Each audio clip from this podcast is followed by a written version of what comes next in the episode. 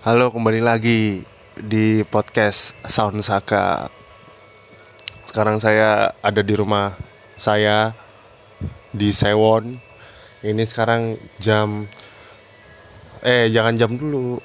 Ini tuh eh, hari Sabtu tanggal 8 Juni 2019 jam 21.56 saya ada di Sewon rumah saya tepatnya Gang Arjuna. Seperti yang udah eh, saya bahas di episode 00 saya akan membuat konten yang berisi tentang saya akan ngobrol-ngobrol sama seorang seniman. Lebih tepatnya di malam hari ini adalah musisi sih. Eh, eh, musisi, musisi itu adalah eh, kakak saya sendiri yaitu Rarya Laksito Jati. Yoi. Gimana kabarnya, bos? Baik bos Lu musisi? Enggak aku sih jualan sebenarnya Jualan apa anjing? Gua kalau gua sekarang jualan kuliner boy Weh, kuliner. Jadi udah nggak musisi lagi dong? Musisi kalau di Jogja haram Kenapa haram? nggak bisa ngasilin duit Banyak brokernya Oh, broker tuh apa sih? Gue mau nanya nih. Nah kalau broker tuh kayak maklar gitu loh Jadi dia itu eh, Contoh kecil misalkan Gua gua nggak bisa menerangkan secara gamblang broker ya Tapi kalau setahu gua sih eh, Broker itu Dia tuh pe, apa ya namanya Pelaku. Oh iya pelaku juga. Ya tapi pelaku sih emang. pela- pelaku pebisnis di bidang musik yang mencari musisi dan keuntungannya akhirnya dibagi sama dia itu. Padahal dia nggak ngapa-ngapain juga. Dia dia lebih banyak itu dapatnya apa gimana? Enggak. Enggak nggak tahu sih. Tapi yang jelas banyak kan broker nggak pada nggak jujur. Nah, pengalaman lu apa tuh tentang broker? Udah pernah kejadian apa? Kalau gue sih nggak begitu ini ya. Nggak begitu banyak kejadian tapi curhatan teman-teman musisi itu sih yang banyak tuh. Oh iya, berarti lu belum ngerasain nih? Enggak lah. Gue lebih pintar daripada broker soalnya. Anjing. Makanya gue nggak laku ya. Eh, contohnya apa contoh contoh eh, kasus lah? Misalkan lu gini, Enggak yang kasus nyata lah, jangan misalkan. iya kasus nyatanya gini, kebanyakan gini loh. Lu main penghibur di sebuah hotel gitu ya. Hmm. Misalkan budget lu satu band, misalkan budgetnya satu juta nih. Ini reguleran apa apa nih? Reguleran. Oh ya ya ya. Kan dalam satu ha- seminggu biasanya sekali tuh Iya, Nah. seminggu sekali lah ya. seminggu sekali nah lu tuh nggak bakal harusnya budgetnya itu satu juta lu nggak bakal dapat satu juta Ya, mesti turunnya berapa gitu. nah lu tuh bakal jadinya 500 ribu dan 500 ribu lu bagi orang lima itu Dapat cepet dong. dapat cepet per orang lu bayangin aja Sakit ya. tiga jam main di di kayak gitu terus Cuman ngiringin orang makan. nah ngirin orang makan kan pahit itu ya Iya sih. nah lu makanya kalau menurut gua sih kalau musisi Jogja mau berkembang ya harus berani inilah nolak broker Nolak broker. maksudnya lu harus punya standar kan Iya sih. gitu Eh tapi kan itu konteksnya reguleran. Iya. Kalau misalnya kita punya band terus kita mau manggung gitu di panggung Ada besar juga, gitu loh. ada juga itu ada juga brokernya. ada lah jelas lu misalkan main di acara acara paling paling paling paling real adalah ketika lu main di acara ini apa namanya kayak brand gitu Brand. brand terus misalnya biasa kan brand brand asap gitu ya Oh iya oke. brand asap Nggak boleh Lo- sponsor nih, nggak ada iya, sponsor. nggak ada sponsor nih. Brand asap abis itu lu dihubungin nih sama orang.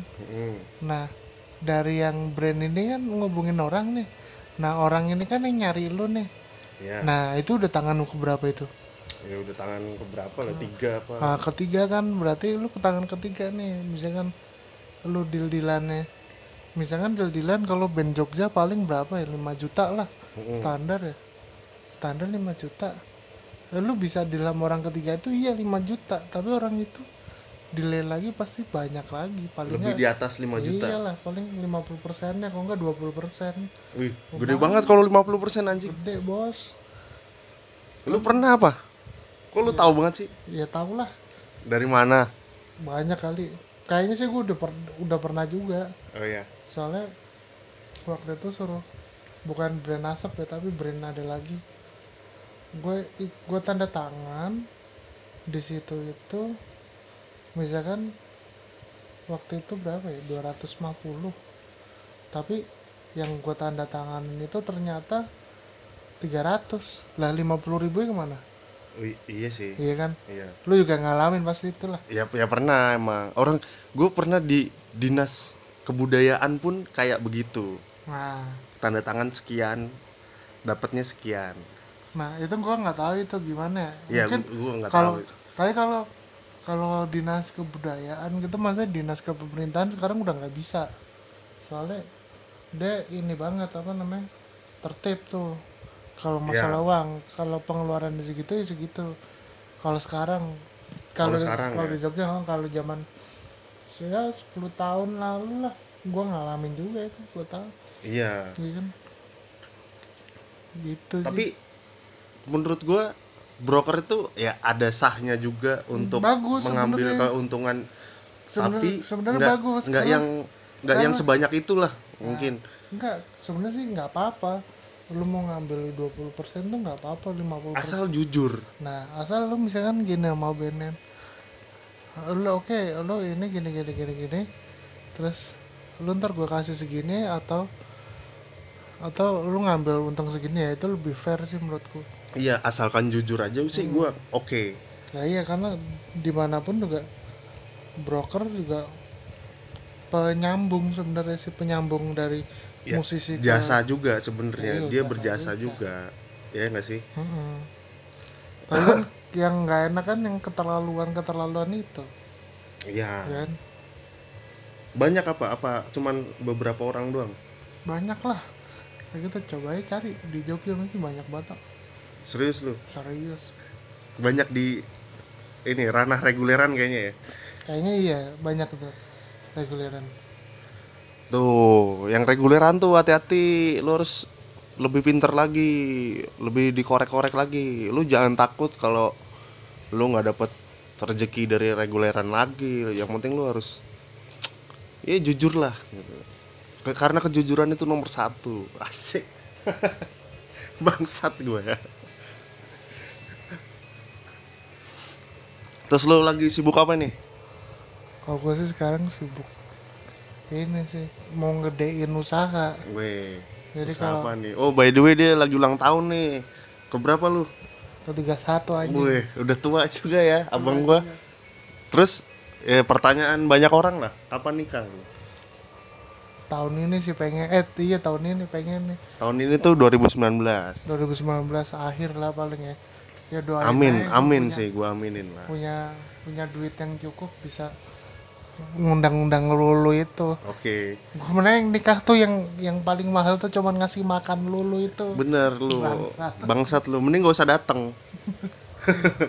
Biar cateringnya dikit.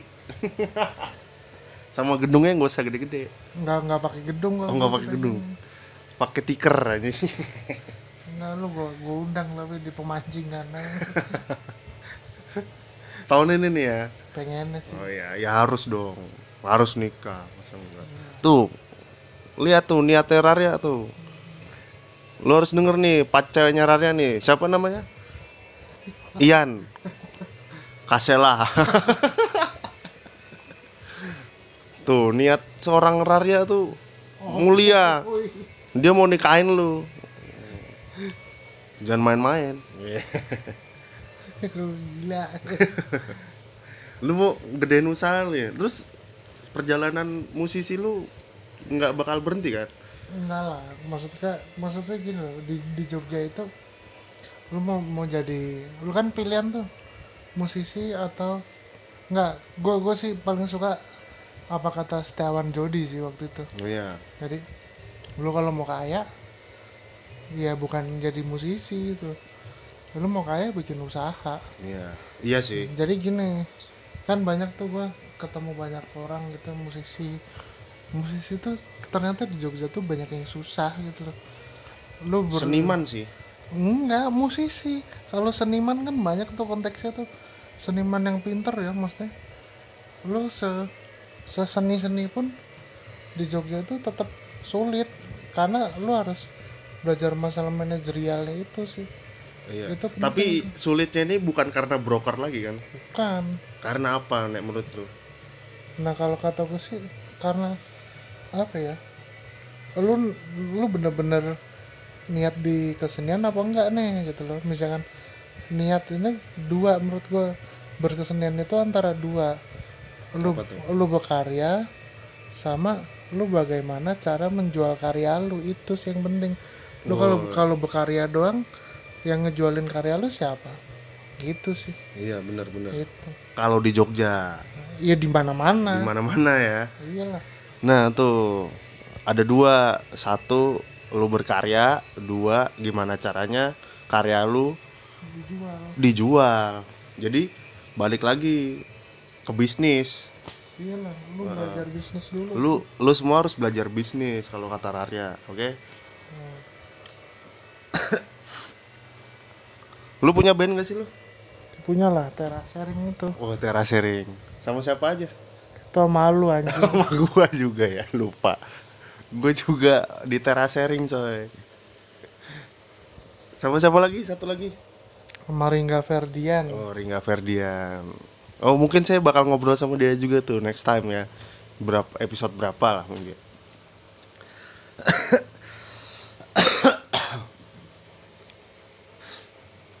Terus apa lagi nih terus lu oh ada proyek apa nih deket-deket ini sama terasering gua kan baru hitungannya di terasering mungkin gua nggak begitu banyak ikut andil belakangan ini. Jadinya gua nanya lu lagi nih apa proyek kita besok? Kalau gue sih malah pengennya bukan album ya tapi yang gue pengenin tuh malah konser sebenarnya konser. Tapi konser kalau di gedung itu kalau gue sih selama bermain musik ya biasa gitu loh. Gimana gimana gimana? Kalau bikin konser di gedung gitu loh. Ah, itu biasa, biasa menurut ya. gua eh, iya biasa sih. Lu? Konser di TBY gitu TBY biasa, biasa, ya. di hall gitu biasa banget. Biasa. Nah gue pengen tuh malah bikin konser tuh di ruang ini apa namanya di ruang tamunya siapa gitu loh. Jadi Oh, misalkan rumah orang kaya gitu ya? Iya nggak harus kaya yang penting ya orang orang kaya ya ruang tamunya gede otomatis anjing. nah, itu jadi gue pengen ini siapa namanya yang datang juga undangan gitu loh jadi, undangan kita yang undang ya? Ah, siapa yang misalkan- layak apa gimana? Enggak bukannya siapa yang layak jadi undangan sebenarnya undangan terbuka kan tapi cuman dibatasin 25 gitu loh. 25 apa 50 orang gitu loh. Tujuannya apa tuh 25 orang? Ya menurut gua sih apa ya bikin konser di Jogja gitu ya. Ketika lo yang nonton 25 orang tapi orang itu bener-bener nonton lo iya. itu keren gitu loh. oh iya daripada bener. Daripada lu publish tapi yang nonton cuma 25 dan 25 itu belum tentu nonton lu juga kan? Mm-mm. mending kan ini emang orang menikmatin lu gitu. Bener soalnya menurutku teras sharing itu bukan musik party gitu. Jadi teras sharing itu musik yang harus dinikmatin secara detail ya musik ya. Oke. Gitu sih. Menurutku. Jadi makanya nih lagi lagi mau nyoba nyari tempat dulu. Tempat dulu ya. Hmm, kalau misalkan yang artistik lah. Iya. jangan yang biasa juga ruang tamunya. Mungkin rumah seniman bisa jadi. Bisa jadi. Rumah seniman kaya mungkin boleh sponsorin kita teras sharing. Karya kita bagus loh. Kalau kamu bikin album duluan gitu nggak nggak ini nggak nyanda Hmm. juga. Tapi materi udah siap ke album ya sebenarnya? Ya? udah udah ada 10 udah ada 10 bener. 10 apa 12 gitu. Terus menurut gue sih sekarang kalau mau bikin album juga harus mikir ya itu balik lagi tuh yang tadi berkesenian tuh. Mm-mm. lu punya karya nah karyanya harus dijual ke mana nih? Kalau lu cuman bikin doang terus bikin album terus ya udah ini pencapaian gua nih gitu loh. Iya. Iya iya nggak nggak salah kan nggak tapi salah juga. tapi percuma lah gitu loh lu Masa bertahun-tahun. album doang ya? Album doang ya udah ya ya apa namanya sekedar ini doang lah ngapain? Iya. Terus lu launching gitu gede-gede terus habis itu nggak ngapa-ngapain lah ngapain lagi? Justru eh, tujuan kita setelah itu mau ngapain nah kan? itu. Jangan cuman abis album terus kita diem aja. Hmm, nggak boleh gitu.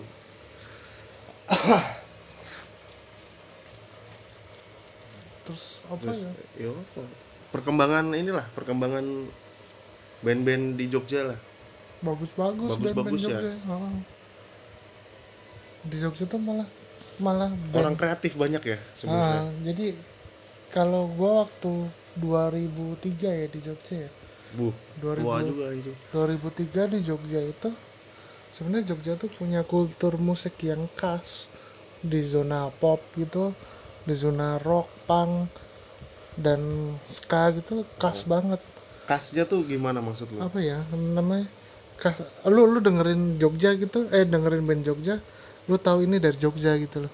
Secara nada secara secara melodi secara chord harmoninya lu bakal tahu ini Jogja. Oh iya po iyalah. Apa iya contohnya apa kalau band Jogja yang Ya orang awam denger tuh mesti tahu kalau itu tuh misalnya band Jogja kayak gini lu habis dengerin Ceylon Seven gitu ya Mm-mm. terus dengerin Jigo Stick kan lu tahu wah ini Jogja banget tuh zaman dulu ya. Terus habis itu kan yang istilahnya itu mayor labelnya kan. Terus ketika lu yang indie gitu lu dengerin Seki gitu. Seki.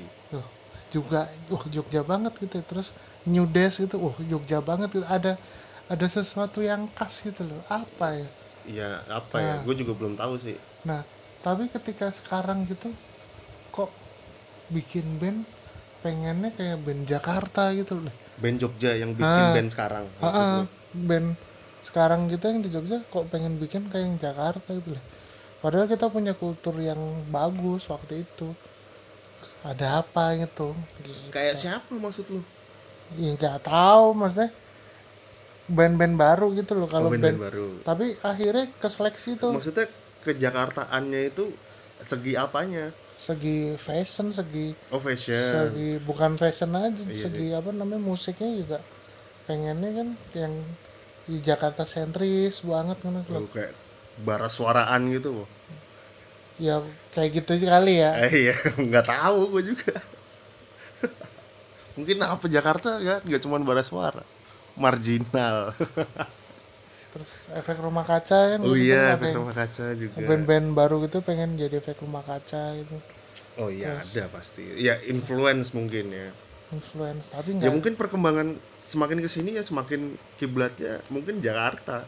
Padahal kalau enggak harusnya harusnya kalau dipikir kita harus Semakin- mempertahankan enggak sebenarnya. enggak sem- semak, semakin ke sini harusnya bisa ini dong lu bisa mikir yang apa ya jenengnya bisa mikir gimana kan ini era digital nih. Ya Nah, lu nggak harus niru mereka lu bakal ke publish gitu loh. Orang sana juga bakal pasti kan ngelirik ngelihat lu. lu gitu loh. Lu nggak harus niru dia dulu kan gitu sih. Ya iya iya sih. Ya tapi kalau kalau lu bilang eh, band-band sekarang tuh kejakartaan banget ya berarti kan karena perkembangan semakin ke sini semakin ke sini tuh semakin orang-orang Jogja tuh ngelihat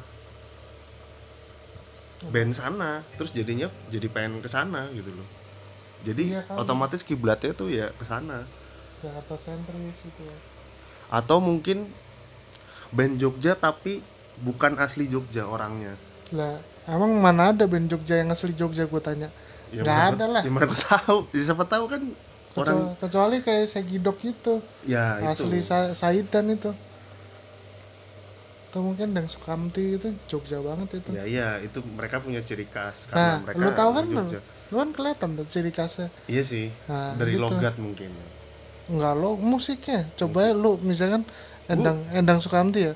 Endang Sukamti kan pang ya kan garisnya kan misalnya pang terus dia beda tuh sama sama kayak kayak rocket rocker. Kan rocket rocker kan kelihatan banget kan? Rocket Terus- rocker kalau gue malah kayak ke barat. Nah ke barat kan tapi atau siapa ya? Kalau zaman dulu si ini ya. SID lah SID SID kan beda. SID punk rock terus ini ya kan Endang Sukamti kan ke melodik gitu zaman ya zaman dulu. Kalau sekarang nggak tahu sih. Kan beda banget. Ini beda ya, beda emang. beda. Jadi kekasannya itu Jogja tuh sebenarnya dan dulu kalau mau tahu band-band kayak Endang Sukamti tuh banyak banget di Jogja tuh. Zaman dulu. Oh iya. Berarti Tapi- gak cuma Endang Sukamti doang tuh di zaman itu yang banyak. genrenya kayak gitu. Banyak zaman dulu. Tapi akhirnya seleksi orang pinter itu. Iya. Yang yang yang bikin berhasil kan karena otaknya kan otaknya bekerja tuh. Gimana caranya jualan. Itu Iya sih karena sebenarnya. Erik punya strategi menurut gua. Iya dia punya visioner nggak cuman itu sih dia, dia bisa niat. lihat ke depan. Bukan lu lu bisa lihat ke depan tapi kalau lu nggak jalan percuma. Lu ya cuman dia bisa jalan. Nah karena lu kalau kebanyakan sih di Jogja tuh banyak orang pinter. Saking pinternya jadi nggak gerak. Udah itu doang. Blinger. Iya. Coba aja. Iya kan? Iya. kan? Bener lah. iya. Lu- karena nggak geraknya itu sih sebenarnya. Orang di Jogja aja buset. Musisi tuh banyak yang pinter loh tapi pada akhirnya apa? Nggak nggak gerak. Kalau gue mah lagi lagi nggak mau gencar di musik karena memang butuh pondasi kuat nih buat main berarti musik. orang yang berskill itu belum tentu dia laku ya? Iyalah. Menurut gue kan tiga tiga dasar dalam berkarya eh berkesenian bermusik lah. Hmm. pertama itu kan ini. Skill skill, kan skill tetap ada harus skill ya kan harus ada tuh. Terus kedua kan ini apa ya ilmu pengetahuan sains ya. Sains tentang musik ya sejarah gitu kan. Oke. Nah, ketiga tuh yang penting malah apaan? Attitude. Attitude? Iyalah. iya emang harus kalau attitude Nah, kalau lu lu- attitude lu jelek ya. lah. kan kalau skill kan skill kan termasuk solfege solfege itu kan skill ya. Mm, kan mm. ada skill kan ada dua tuh. Ada yang bakat ada yang lu mau belajar nih. Iya. Nah sebenarnya emang kalau yang bakat itu udah ini banget tuh apa namanya udah nggak bisa diapa-apain lagi tuh. Lu Iya, iya. main kali aja pasti jago gitu loh. Iya. Tapi orang yang kayak gitu bakal kalah sama orang yang tekun. Iya benar benar. Walaupun orang tekun akhirnya stuck gitu misalnya skill gua di 5 nih Nah. lu nggak bakal naik 6 tapi orang tekun itu biasanya orang tekun itu attitude-nya bagus. Karena dia mau belajar. Iyalah orang yang belajar tuh attitude-nya bagus. Gitu. Gitu. Tuh attitude men. Lu harus punya attitude semua. Kalau attitude lu busuk skill lu jago percuma aja. Attitude lu attitude lu nggak diasah tuh. Itu jangan harap lu bisa bertahan di dunia permusikan atau permusisian ini. Lu jangan harap bisa terus kalau ada nggak persaingan? Persaingan ya persaingan lah. Apa? Eh, persaingan persaingan di dunia musik apa nih dunia di dunia band atau musik atau kalau gue sih gini kalau sekarang kalau gue yang di terasering malah disudutin aja dikecilin dikerucutin terasering gitu. Gue nggak mau jadi ini nggak mau jadi apa namanya kompetisi, apa kompetisi. namanya istilahnya nggak mau punya kompetitor atau bersaing gitu ya nggak mau. Karena ketika lu bersaing ya udah akhirnya negatif. Negatif jatuhnya ya. Ya. mending jalan bareng. Jalan Jangan bareng. kayak, kayak ada temen lu bandnya naik nih. Heeh. jangan dibenci. Didukung harus. Iya didukung. Di didukung bareng-bareng. Betul. Gitu sama aja zaman zaman gue main orkes juga gitu. Iya bener. Ya, de- orke orang orkes mesin ini sebenarnya cuman kelihatan aja di depannya baik. Padahal juga tusuk-tusukan. Tusuk-tusukan. Lu melihat itu tuh? Iyalah. Di Jogja atau di Jakarta? Atau di yang orang Jogja ke Jakarta tuh pasti itu. Pasti. Lu, lu coba dah orang yang ikut orkes. Gue yakin nih orang yang ikut orkes umurnya juga nggak lama. Nggak lama apa nanti maksudnya nggak lama nggak lama karirnya karena oh iya. udah fokus di situ doang nih. Ya yang, yang lu pikirin teman besok ngejob mana ya? Ngejob sama siapa? Lu follower kan? Iya. Lu lu sama- lu nggak jadi terkenal Nah, di situ. nah ini. Kalau gue gue pernah ngobrol sama seniman. Namanya Moki. Iya. Jadi gini di dunia seni itu ada dua antara lu banyak duit atau lu tercatat nama lu di di sebuah sejarah gitu. Lu milih mana udah gue lebih gue lebih gue tercatat di sejarah. Nah kalau gue sih sama gue lebih Sama, lebih, kan? lebih tercatat karena ketika lu tercatat akhirnya kekayaan akan mengikuti lu nih. Iya gitu amin. Nah gitu. Ketika lu kaya kaya kaya kaya nama lu ya udah gitu doang maksudnya? Gue iya gue sempet segmented akhirnya. Iya, gue sempet mikir tuh kalau di kalau gue ikut orkes gitu, gue sempet mikir gue tuh bakal ya apa yang lu bilang tadi jadi follower tadi, gue nggak bakal gue cuman jadi ka- kacung int- intinya. Sebenarnya nggak nggak salah juga. Nggak salah cuman kan gua cuman- pilihan kayak gitu. Pilihan memang cuman gue gue berambisi setelah itu gue berambisi kalau gue tuh bisa daripada gue bisa lebih daripada lo semua yang main orkes gitu. Bahkan gue bisa jadi yang lo iringin besok gitu loh. Gue Hmm. sampai mikir di situ. Suatu saat nanti gue lebih percaya itu sih.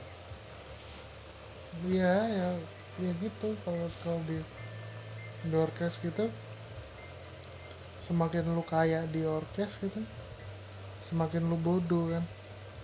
Bodoh gimana tuh? Lah iyalah ilmu pengetahuan lu cuma di situ doang akhirnya. Mm. padahal menurut gua musik itu luas loh emang sekarang tahu nggak mus oke lah di orkes lu jago skill lu main gitu ya. Mm. alah sekarang skill skill main musik tuh cuman seberapa sih Iya, gue juga, Iya gue kan, juga mengakui kalau skill gue tuh di musik sekarang Maksudnya- nggak terlalu jago. Enggak maksudnya lu bisa baca aja udah bagus gitu. Iya, ya kan? Orang sekarang lu hitungan-hitungan kayak gitu tuh udah udah udah katam lah. Lu ya udah bisa. berapa berapa 9 tahun paling kan Sembilan main tahun. musik profesional gitu. Belajar lah. ya kan? Kalau dipikir kan udah di, di situ doang. Nah sekarang tinggal pengembangannya nih gimana? Lu tahu nggak musik yang sekarang kayak apa? Terus pemecahan masalahnya sing musik kayak sekarang tuh gimana? Terus sama kapan lu bikin musik? Itu sih. Hmm. lu hidup dari musik tapi lu nggak menghidupi musik percuma. Wih, mantep tuh. Lu hidup di musik tapi lu nggak bisa ngehidupin musik percuma aja. Anjing. Kontribus- kontri- kontribusinya apa Wih, iya bener. Iya kan? Kontribusi lu di musik tuh apa? Lu harus ngembangin, bukan ngembangin sih. Lu lebih menghidupi musik gitu. iyalah musik lu dapet sekarang lu ngejob ngejob misalnya sama orkes A gitu terus dapat berapa sih paling sekarang Dua setengah. dua setengah lah ya dua setengah udah terus habis itu lu latihan tiga hari. Ya seminggu. Mm-mm. latihan seminggu. Gini gini. Gini terus udah lu baca. Ini udah habis itu selesai pulang. Terus dapat duit. Seneng. Iya. ya kan? Terus waktu lu buat belajar gimana itu? Sama satu sih gua emang, yang emang di dalam situ nggak bela- nggak bisa belajar kita lu coba lu lu ini deh lu pikir. Lu waktu ikut orkes yang lu pelajarin apa? Cuman paling kan ya cuman ini nih ya, beat. ya karena gue udah bisa itu. Ya kan paling kan yang lu ajar yang lu paling kerasan masalah ini nih. Masalah pertama intonasi terus masalah beat terus ini. Apa apa pernah lu diterangin ya nggak tahu ya kalau di di lu kuliah diisi diterangin nggak misalkan? Ini lagu ini nih. Ini tuh sejarahnya tuh gini loh. Terus uh, secara secara bermain tuh harusnya seperti ini. Dan menggunakan ini kenapa ini iya. alasannya apa iya gitu. iya iya bener. Itu harusnya dijelasin tuh. Harusnya. Cuman kan balik lagi orkes itu formalitasnya apa? Kalau formalitas doang ya cuman ya ngapain? Nggak ada ini ya. Kalau formalitas cuman ya ngedapetin duit doang sih. Ya buat apa? Belajar motivasinya apa? Fokusnya berarti lah. Fokusnya. Fokusnya di duit ya wes duit. Nggak salah sebenarnya. Nggak salah. Duitnya itu yang ya ya semua semua butuh duit emang ya. Tapi mereka memaknai hidup ini gimana? Memaknai musik maksudnya ah, memaknai musik tuh gimana? Sekarang gue pernah kan gue gue waktu itu nggak ikut or udah nggak ikut orkes semenjak kuliah udah Iya. udah nggak kuliah gitu. Terus kan nggak ikut orkes terus banyak tanya kok nggak pernah ikut orkes? Padahal main cello kayak gini pertama yang gue omongin ya gue nggak laku gitu. Lu mengakui kalau lah iya lah nggak laku lah. Sekarang orang semakin update gitu loh sama kedua gue nggak gaul di lingkungan orkes. Iya Iya kan? benar benar sih. Itu cuman cuman kendalanya di situ. Sekarang lu deh lu main lu jelek banget nih tapi lingkungan lu orkes lu bakal laku. Iya kan masalah lingkungan gitu. Gitu sih menurut gue nyesel nggak lu dulu Enggak. kayak gitu. Nggak nyesel lah. Nggak nyesel. Enggak lah. karena gue banyak temen lain bukan teman orkes. Gue lebih seneng kayak lu. Maksudnya itu yang bakal bikin kita dikenal orang banyak nanti. Nggak cuman di kalangan musik doang. Nah. Ngerti nggak sih lo jadinya itu kita kenal banyak seniman gitu. Nggak cuman dari musik kita kenal orang Hmm. pelukis kita kenal tari kita bakal dikenal banyak apa as bukan aspek apa ya banyak kita bakal dikenal banyak orang yang nggak cuman dari musik doang gitu loh Nah, kan ketika gua gua keluar di Zona zona itu. zona orkes, akhirnya belajar tuh gua memaknai apa ya istilahnya itu performance gitu loh. iya Eh, di musik kan sebenarnya kan performance tuh. Nah, tanggung jawab lo itu adalah belajar bagaimana dan tahu apa itu performance gitu loh. Pertunjukan gitu loh. bener-bener Nah, musik kan ada dua ketika lu lu jadi musik itu tuh tugasnya ada dua. Pertunjukan. Pertunjukan tuh ada dua. Yaitu secara visual sama audio. iya iya Nah, lu harus belajar tuh gimana caranya mematchkan sebuah audio ke visualnya gitu loh. Maksudnya seni gerak kan.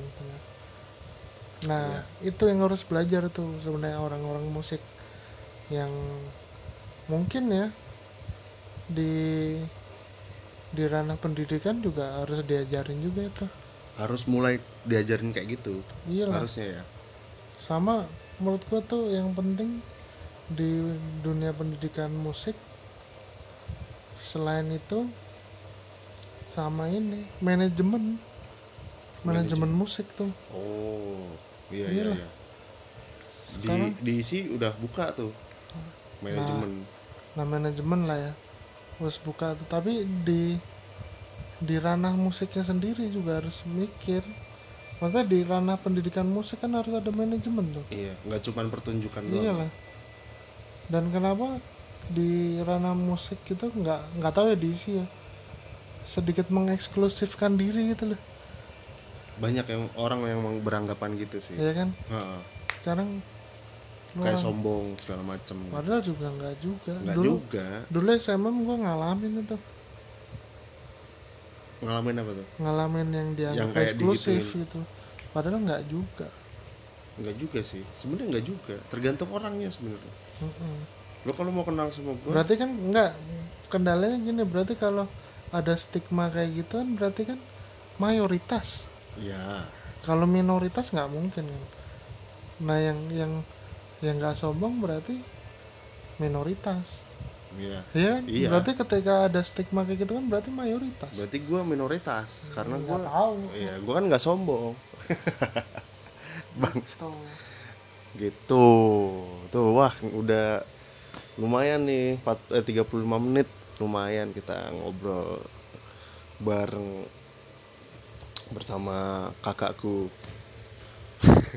Rarya Laksito Jati ya mungkin nih ada closing statement lah apa gitu buat Tentang apaan? dia pesan-pesan Oh iya, iya. eh, kehidupan inilah kalau gue sih ini closing statementnya yang gue suka tuh kalau sekarang gitu lu mau berkesenian siapin pondasi lu dulu. Nah itu sih. Pondasi itu apa? Ya macem-macem. Lu bakal cari tahu sendiri gitu. Ya kalau menurut gue sih pondasi itu gimana caranya mesin penanak nasi lu tuh bisa ada setiap bulan udah. Wah. Itu doang. Gitu. Itu adalah closing statementnya dari dia lu kalau mau apa tadi? Hmm? lu kalau mau apa? Ini diulang lagi. Anjing. Enggak gue pengen ngomong lagi. Lu kalau mau apa tadi? Kalau mau berkesenian. Ah lu kalau mau berkesenian lihat pondasi lu apa oke?